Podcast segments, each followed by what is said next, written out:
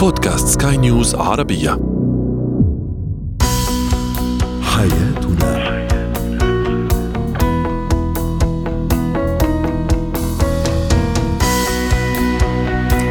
مستمعينا الكرام أهلا بكم معنا إلى حياتنا فضاؤكم اليومي الذي يعنى بشؤون الأسرة وباقي الشؤون الحياتية الأخرى.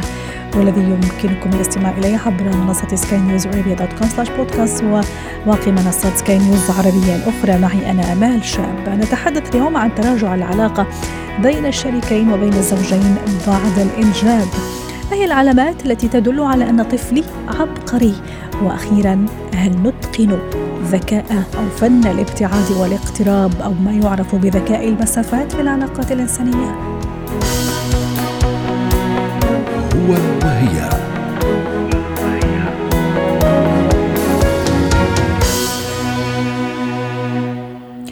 لا شك أن قدوم مولود جديد وطفل جديد للأسرة سينشر الكثير من السعادة والبهجة في هذه الأسرة. لكن في نفس الوقت يمكن أن يواجه الزوجين من خلاله وبسببه بعض المشكلات خلال هذه الفترة أو الفترة التي تلي الإنجاب. للحديث عن هذا الموضوع تنضم إلينا عبر الهاتف من بيروت كارين إيليا المستشارة النفسية والأسرية. سعد أوقاتك دكتورة كارين.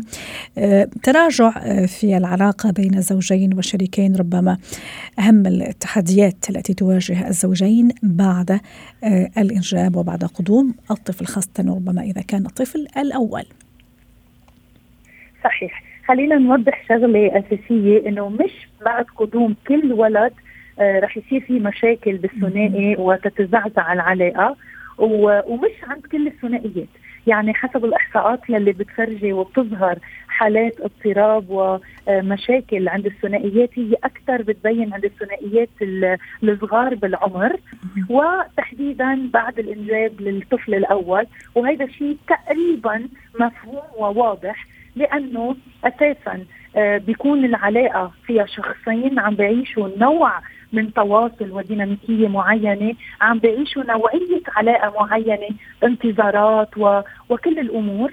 إلى حين وصول هال هال هالمخلوق الثالث وبالإجمال وقتها يوصلوا لاضطراب بالعلاقة هو لأنه الطرفين ما عم يعرفوا يتعاملوا مع الواقع الجديد. وبكثير من الأحيان لأنه بعض الأمهات بيعملوا حالة ال postpartum blues وحالات الاكتئاب وغيرها.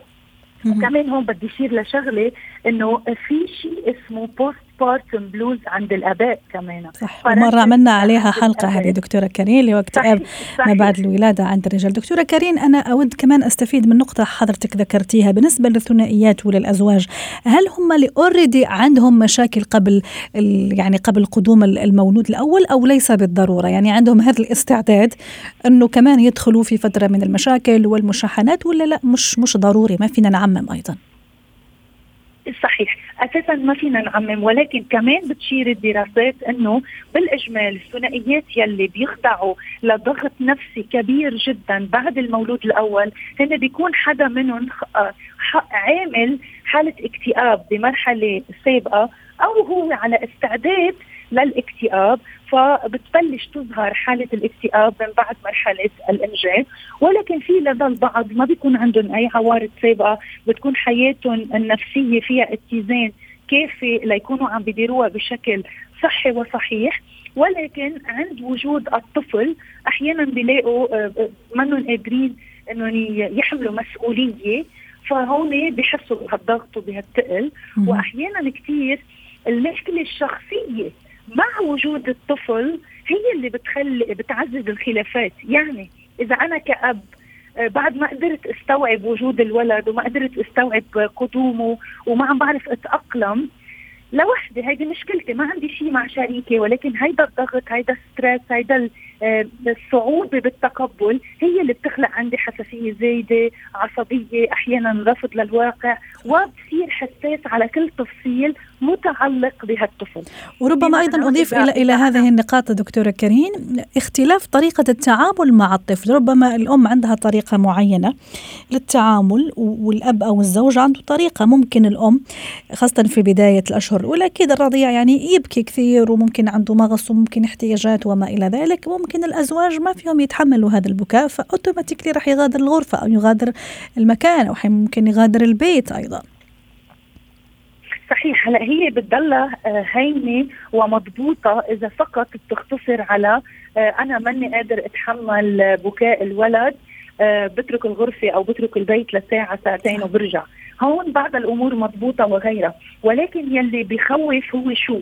أحيانا يلي بيصير أكثر ونشوفه على الأرض وقت تكون الوالدة عم بتفوت بعلاقة فيزيونيل علاقة زوجانيه مع هالولد وبتكب البيت خارج هالعلاقة خارج المنظومة. فهون الوالد بحس بهالضغط بحس كأنه صار في عندهم جبهتين آه، آه، موجودين. وبصير الوالد بحاجة إنه يظهر حاله بحاجة يثبت آه، وجوده بحاجة يعبر عن حاجاته. وهون الأم بتكون ما عم تعرف تتعاطى مع الواقف الواقع لتعمل توازن ببلش يخلق مشاكل وخلافات. هون بعدنا ما عم نحكي عن الحالة المرضية بالتعاطي مع وجود ولد جديد بالبيت. اللي هي دكتورة كريم؟ هي في عندنا نوعين آه، كبار هودي من المشاكل من بعد الانجاب الزوجة أو الزوج ممكن يفوتوا بحالة ذهنية وهيدي هون بتصير حالة خطرة لأنه في خطر آه، من من قوة الخوف في في خطر يأذوا الولد في خطر يأذوا حالهم في خطر الإهمال والبكاء الشديد والعزلة ومشاكل الأكل بالاضافه للاكتئاب يلي هي أكثر دارجة أو أكثر موجودة بنلاقيها بنسب يلي مثل معروفة تبدل بالأك... بنظام الأكل آه، مشاكل البكاء الزهد بالذات رفض للواقع. ممكن رفض البيبي أصلا دكتورة كريم. نعم. ممكن حتى رفض للمولود الجديد يعني نكرانه نكران المولود الجديد. ما هي أكثر خصائص حالات الاكتئاب ما بعد الولادة؟ هي الرفض للاعتناء بالولد ودائما بحجة ما بعرف أعتني فيه أو أنا ماني مؤهلة. هيدي يعني الفساد تبع هيدي الشغلة هيدي الواجهة للمشكلة ولكن هي المشكلة بتكون أعمق. وكمان يلي بياثر على العلاقة الزوجية بهالمرحلة رفض المرأة يمكن لذاتها ولتغير جسمها أو شكل جسمها ممكن أحيانا بعض الانتقادات أو الملاحظات اللي تيجي من قبل الزوج أيضا دكتورة كريم. بس صحيح بس أحيانا كثيرة الزوجة هي بترسم براسها هالصورة لأنه هي بتعرف جسمها بمطرح وكان عندها قدرة على الجذب وكل هالأمور. بتضلها خايفة تبطل عندها نفس الجاذبية نفس الأسلوب يلي بيعجب الآخرين فيها وتحديدا الشريك. بصير عندها رفض لذاتها بصير عندها رفض لهالشريك. يعني إذا شريك عم يطلب يقرب منها على طول عندها الرفض آه، على طول عندها العدائيه ومش دائما بتشرح لأنه يمكن هي ما بتعرف. فهون بيخلق تشنج بيخلق مشاكل بين الاثنين وبالنهاية هيدي المشاكل كلها إذا بيصير في حكي حولها يعني يمكن يقعدوا قبال بعض يبكوا لبعض ولكن يعبروا عن مخاوفهم اوجاعهم انزعاجاتهم آه، بتسهل عليهم الأمور. وما رأيك أيضا دكتورة كريم في الجانب المادي أو العبء المادي أكيد الولد الجديد لما يجي أكيد في عنده متطلبات في عنده احتياجات كثيرة يعني لازم نلبيها بشكل أو نعم. بآخر يعني. نعم خليني أقول شغلة الشق المادي وكمان حسب الدراسات وحسب اختباراتنا بالعيادة ما بيكون مشكلة بين الثنائي نتيجة الانجاب إلا أكثر الحالات بمشكل واحد وقت يكون أحد الطرفين بده الولد والطرف الآخر عم بيقول لا. أه. مش قادرين ماديا ما عندنا هالجهوزية. في هالحالة وجود الولد بصير ضاغط نفسي وبصير الآخر يستعمل العناصر المادية لي ليضل يذكر شريكه إنه أنا ما كان بدي هيدا الولد. يعني يشعروا بال... يشعروا بالذنب ويحملوا مسؤولية تردي الوضع المادي والنفقات الزايدة. دكتورة كريم اللي عم يسمعنا الآن ممكن عم يعاني من هذا المشكل أو ممكن حتى الناس اللي مقبلين على استقبال مولود جديد حتى نتفادى هذه المشكلة. ما هي رسالتنا لهم اليوم نعم. بدنا نقول شغلتين. الطريقة الأولى إذا نحن لقينا الشريك يلي بوجهنا عم بيعاني من حالة مرضية نتيجة الولادة ضروري جدا استشارة متخصصين وتحديدا الطبيب يلي ولدهم لأنه بيكون هو على اطلاع بالحالة النفسية والتبدلات الهرمونية وغيرها. أما بالحالات يلي أكثر طبيعية ومشتركة كومن هودي الحالات نحن بنقول لهم ينطروا فترة قصيرة بعد الولادة يعني ست سبع تجماع ثمان تجماع. إذا لقوا إنه الأمور عم تتأزم لأنه بالإجمال في في كتار آه بيقطعوا ست سبع تجماع بعدين ببلشوا يركزوا فنحن بنقول لهم بعد هيدي المرحلة إذا لقيتوا إنه ظروفهم عم بتضلها صعبة الأمور عم تتأزم أكثر ضروري يرجعوا يلجأوا لإستشارة متخصص. وأهم شيء على الرغم من إنه الدعم العائلي مهم في هيدا المطرح كثير ينتبهوا شو يسمعوا نصايح لأنه أحيانا كثير النصايح من حواليهم بتشكل لهم ضغط لأنه ما بيكون عندهم قدرة على تطبيقه أكثر من إنه بتكون عامل مساعد. واضح. شكرا لك دكتورة كريم ايليا على كل هذه المعلومات وعلى هذه المداخلة. كنت معنا عبر الهاتف من بيروت. زينة الحياة.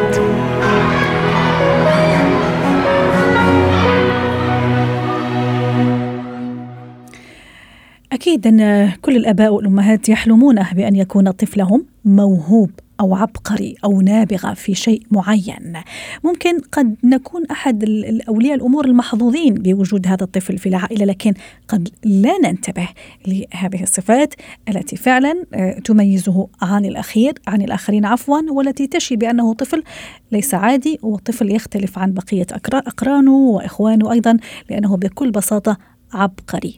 كيف أعرف بأن طفلي كذلك؟ للحديث عن هذا الموضوع تنضم إلينا عبر الهاتف لما الصفدي الخبيرة النفسوي النفسية عفوا وتربوية سعد أوقاتك أستاذة لما. كيف أعرف بأن طفلي هو طفل عبقري؟ آه، أكيد طفل العبقري هو طفل غير مألوف. يعني هو طفل نحن آه، بالواقع نسميه بأنه يفكر خارج الصندوق. دائما آه، نلاحظ بأنه بين مشاكله اليومية أو أي تفاصيل يومية دائما هو لديه حلول أو اختيارات تختلف عن باقي حتى إخوانه أو الأطفال اللي بعمره. أو يعني تتجاوز أيضا يعني سنه. توقعات. صحيح. آه للأسف يظلم في المجتمع لأنه أحيانا بعض المدرسات الغير مؤهلات لاكتشاف بانه هو طفل موهوب ممكن أن تصنفه على أنه طفل غبي. تخيلي المقاربة. لأنه أحيانا بالمدارس هو يكون فضل المتابعة ملول. يعني ممكن نشوفه بأنه هو لا يتابع المدرسة ملول بالمتابعة. بنشوفه آه دائما هو يرفض الأشياء الروتينية التقليدية دائما هو يذهب إلى الإبداع أو الأشياء اللي تتطلب بإنه إدخال مواد خارجية. ممكن يكون فوضوي أيضا أستاذة لما تماما صحيح صدقتي. فعلا هو ممكن يكون فوضوي فبالتالي هو دائما يسعى إلى الأشياء غير الروتينية. بعض للأسف الأطفال يظلمون في المدارس. لأنه آه هو غير طبيعي. يصنف على أنه غير طبيعي ولكن لا يصنف على أنه موهوب. هنا تأتي مهمة كبيرة. اولا على الأسرة لاكتشاف إنه أنا فعلا لدي ابن مميز. الثانية على المدرسة أن يكون لديهم معلومات بأنه ليس كل طفل هو يمشي على روتين. أحيانا هو الطفل المتفوق. صح. أحيانا التفوق هو إنجاز في الرسم في الرياضيات في الحفظ. يعني آه مفهوم أو نظرية الفروق الفردية هي من أهم النظريات. التعامل مع الأطفال. طيب خلينا نبتدي بالأسرة دام أنه يعني هي هو المكان البيئة اللي لما يوعى طفلي يلاقي حاله فيها قبل ما نوصل المدرسة ثم راح أبلغ أكيد المدرسة أنه طفلي موهوب أو عبقري. وأحيانا العكس صحيح أنا ممكن في بيتي ما أعرف لكن ممكن الأسرة أو المدرسة عفوا تستدعيني وتنبهني أنه طفلي موهوب وعبقري ويحتاج معاملة خاصة. أنا في البيت كيف أعرف أنه ابني من هذا النوعية من الأطفال؟ اولا هو طفل يرفض آه تطبيق الأوامر بحذافيرها. هو طفل مثل ما تفضلتي ممكن أن يكون فوضوي يعني غرفة ألعابه دائما آه بحالة فوضى ودائما هناك اثنين آه مخترع. يعني بنشوفه دائما هو يسعى لاكتشاف أشياء أو تركيب أو صنع أو استخدام أدوات في المنزل لإنجاز مهمة معينة. جميل. أحيانا هذا الموضوع ممكن يزعج الأم لأنه هو يعني يقوم بعمل ضد عملها اللي هي الترتيب والتنظيف اليومي. وأحيانا تتفاجأ بأنه ممكن أن يستخدم أدوات خطيرة أو أشياء من المطبخ غير مصرح للأطفال باستخدامها. النقطة الثالثة بأنه أحيانا الطفل الموهوب ممكن يكون مزاجي. يعني ممكن نشوفه أحيانا في مزاج هادئ ومتزن ممكن بعد ساعة ممكن نشوفهم بمزاج مختلف. يرفض الأشياء الروتينية اللي ممكن أي طفل يقوم به ولا تقنعه.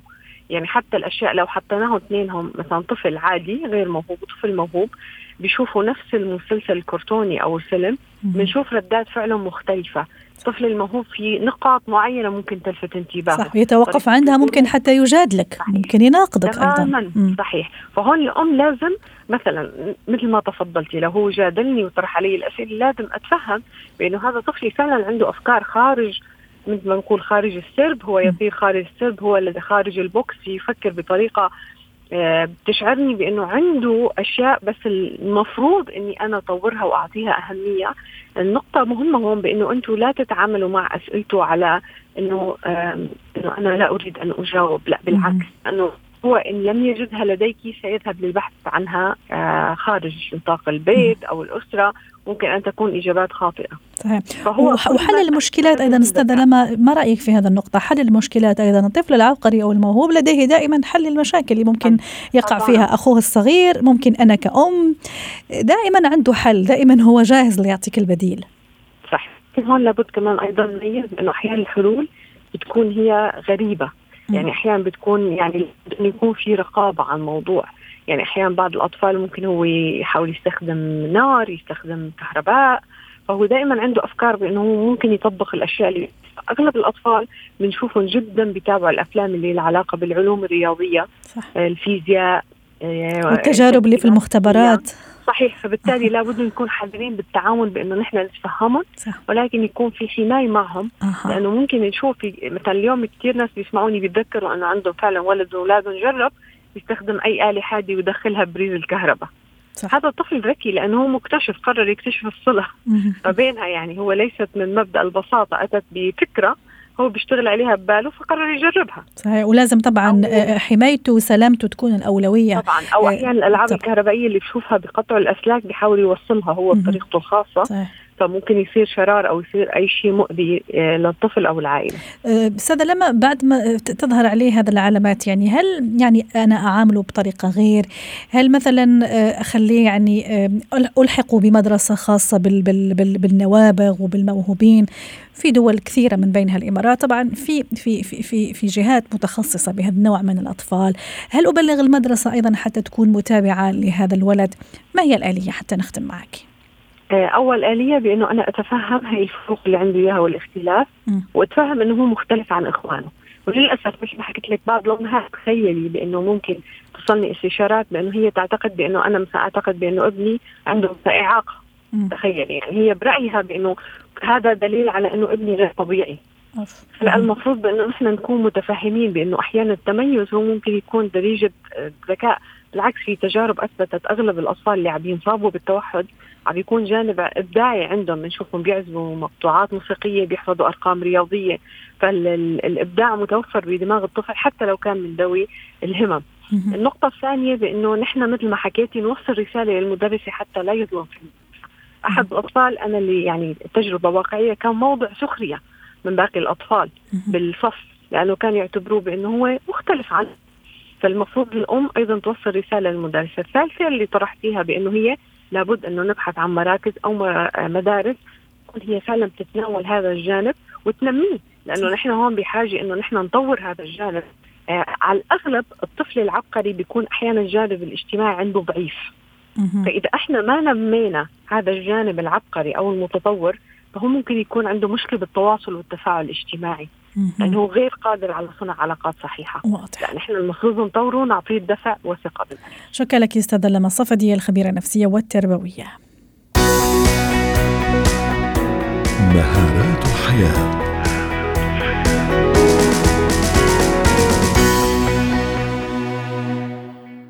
اليوم في مهارات الحياة سنتحدث عن ذكاء المسافات. ما هو ذكاء المسافات؟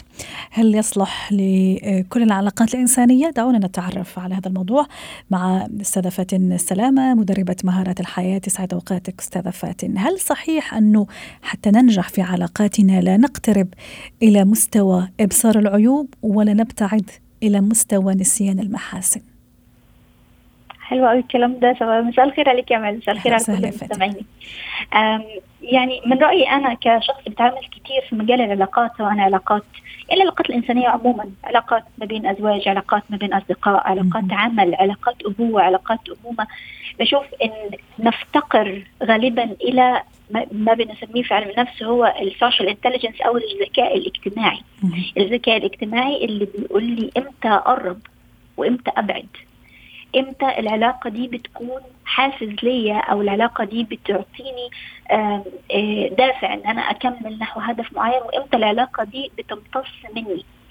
إمتى الأشخاص اللي في العلاقة دول بيكونوا إضافة ليا في حياتي؟ إمتى الأشخاص اللي في العلاقة دول بيكونوا بيهدموا آه، شيء حلو جوايا؟ الذكاء الاجتماعي في العلاقات وده يعني ذكره أكثر من كاتب وكثير جدا خصوصا أشهرهم في كتاب مشهور جدا هو كتاب الذكاء الاجتماعي كتبه دانيال جالمان ويمكن هو من أشهر الناس اللي اتكلمت في موضوع العلاقات. يقول إن إن, إن أنا أبعد وأقرب أو أو أو الأساس في العلاقات هو قدرتي على تحديد إذا إذا إذا العلاقة دي بتضيف لي أو العلاقة دي بتأخذ مني. إذا العلاقة دي وين وين يعني إحنا الاثنين ما بنضرش بعض إحنا الاثنين بنفيد بعض ولا العلاقة دي بتحطمني؟ قدرتي على فهم الشخص الآخر في العلاقة قدرتي على إن أنا أوضح نفسي كمان للشخص الآخر بيكون محدد ليا في العلاقة دي؟ هل هل العلاقة دي إضافة ليا زي ما أنا قلت ولا العلاقة دي لأ لازم أخرج منها ولازم أبتعد عنها؟ تماما فاتن حتى إذا هذا العلاقة فيها إضافة لي وأنا أفيد وأستفيد وزي ما آه، أعطي آخذ لكن أيضا في في في فن أو في أسلوب آه، حتى في هذه العلاقة يعني يجب أن أقترب متى يجب ذلك ويجب أن أبتعد متى استدعى الأمر ذلك. في كل الأحوال بيكون أنا أنا كشخص يعني عارفة كلمة relationship بال English يعني يعني شخص يعني أشخاص واقفين على نفس السفينة على نفس الأرض على نفس المساحة. فأنا إمتى أبتعد؟ إمتى أبتعد لما. تكون العلاقة دي بتديني طاقة إيجابية؟ أبتعد لما سوري أقترب. لما تكون العلاقة دي بتديني طاقة إيجابية. بقترب لما تكون العلاقة دي فيها عاطفة متبادلة ما بيني وما بين صديقتي ما بيني وما بين زوجي ما بيني وما بين أبنائي. بس بس فاتن أنا اللي أقصده حتى إذا أنت عم تاخذي هذا العاطفة وهذا الحب وهذا ال... لكن أحيانا خلص توصلي لمرحلة خلينا نقول الاكتفاء. ممكن تضطري إنك ترجعي تعملي شوية خطوة لورا خلاص بريك آه. آه، لي آه. وللطرف الآخر صديقة كانت آه، مين مكان ثم أرجع مرة أخرى يعني أستأنف هذا هذه العلاقة أو حياتي مع هذا هذا الإنسان أو هذا الشخص. شوفي في في علاقات يعني في حاجات في في علاقات معينة يعني ممكن نقول مثلا علاقة أصدقاء أو علاقة زمالة ممكن نبتعد. ممكن إن إحنا نكون من بنمشيها زي formal شوية لكن في علاقات زي علاقاتي بأولادي علاقاتي العلاقات اللي هي فيها حميميه أكتر مهم جدا إن إحنا ناخد break من بعض صح. مهم جدا إن إحنا لما نلاقي الأمر بيشتعل وإن الأمر بيزداد ضغطا خصوصا على الأمهات أو على على يعني اللي هي عمود البيت زي ما إحنا بنسميهم يكون مهم جدا إن هم يبتعدوا إلى فترة علشان يهدوا. ولكن معظم الناس بت لما لما بتبتعد بتخلي الشحنة اللي جواها موجودة. يعني أقصد أعمل إن أنا أنا وأمال دلوقتي عايشين مع بعض في نفس البيت وحصل ما بيننا موقف فأنا بمشي مثلا وما بحكيش مع مع أمال وبقول هاخد بريك منها بس اللي جوايا بيفضل جوايا فده فده بيعمل شرخ في العلاقة. لكن إذا أنا ابتعدت بغرض إن أنا آه، ابتعدت عشان خاطر أهدى وأعرف إزاي أتواصل معاها بالأسلوب الصحيح فبالتالي البعد بيكون في هذه اللحظة أو في هذا الموقف البعد بيكون حل مثالي لأن أنا أهدى وإن أنا أرجع أتكلم معاها بأسلوب أحسن وإن أنا ما أخسرهاش. جميل. والموضوع المساحة الشخصية أستاذة فاتن في هذا في, في موضوعنا اليوم اللي هو إني أحترم مساحة الشخص مين مكان صديقه صديق وحتى إذا مثل ما قلنا في البداية إني آخذ أنا حقي من هذا العلاقة من اهتمام من حب من رعاية و و و موضوع احترام المساحة الشخصية موضوع عدم تجاوز الحدود حدودي مع هذا الشخص مين ما كان ومهما كانت درجة العلاقة بيني وبينه. إحنا بنرسم ثلاث دوائر كده. الدايرة بتاعتي أنا بس اللي موجود فيها مفيش حد مسموح له إن هو يدخل الدايرة دي. دايرة فيها أهلي وأصدقائي ودايرة فيها الناس الآخرين.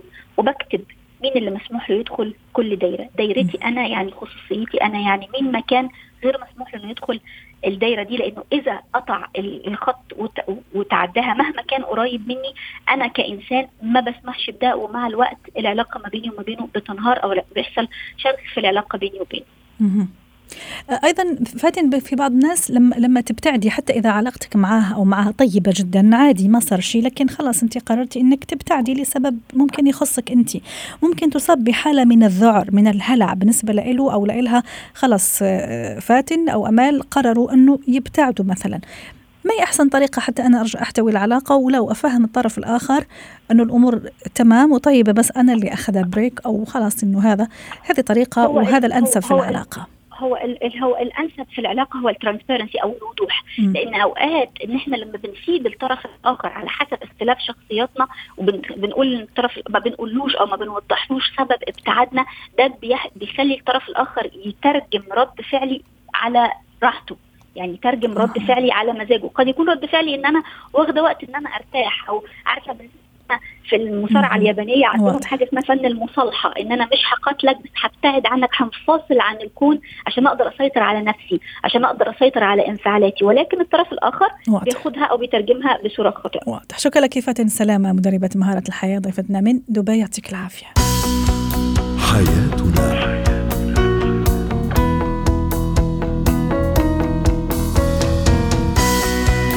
ختام حلقة اليوم من حياتنا. شكرا لكم وإلى اللقاء.